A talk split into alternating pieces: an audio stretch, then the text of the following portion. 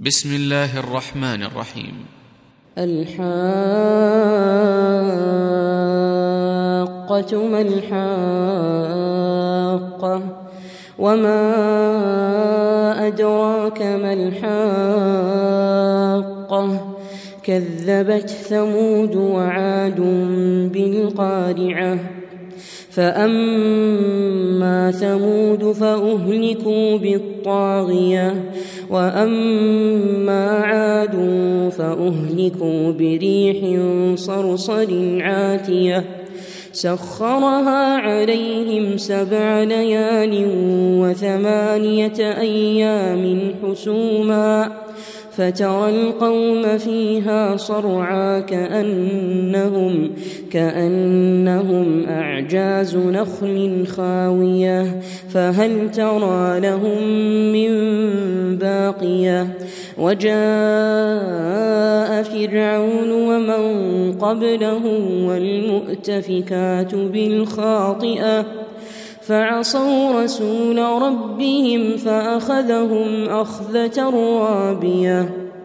إنا لما طغى الماء حملناكم في الجارية لنجعلها لكم تذكرة وتعيها أذن واعية. فإذا نفخ في الصور نفخة واحدة وحملت الأرض والجبال فدكتا دكة واحدة فيومئذ وقعت الواقعة وانشقت السماء فهي يومئذ واهية والملك على أرجائها ويحمل عرش ربك فوقهم يومئذ ثمانية يومئذ تعرضون يومئذ تعرضون لا تخفى منكم خافية فأما من أوتي كتابه بيمينه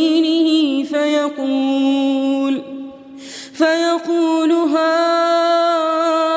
اقرءوا كتابيه إني ظننت أني ملاق حسابيه فهو في عيشة راضية في جنة عالية قطوفها دانية كلوا واشربوا هنيئا بما أسلفتم بما أسلفتم في الأيام الخالية. وأما من أوتي كتابه بشماله فيقول فيقول يا ليتني لم أوت كتابيه. ولم أدر ما حسابيه يا ليتها كانت القاضية.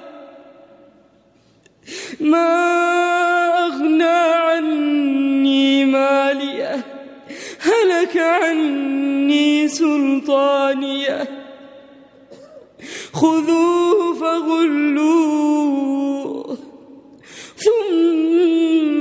الجحيم صلوه ثم في سلسلة ذرعها سبعون ذراعا. ذرعها سبعون ذراعا فاسلكوه. إنه كان لا يؤمن بالله العظيم ولا يحض على طعام المسكين فليس له اليوم هاهنا حميم ولا طعام إلا من غسلين. لا يأكله إلا الخاطئون. فلا أقسم بما تبصرون وما لا تبصرون.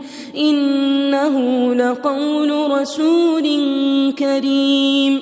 وما هو بقول شاعر قليلا ما تؤمنون ولا بقول كاهن قليلا ما تذكرون.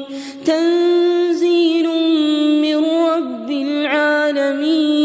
ولو تقول علينا بعض الأقاويل لأخذنا منه باليمين ثم لقطعنا منه الوتين فما منكم من أحد عنه حاجزين وإنه لتذكرة للمتقين وإنا لنعلم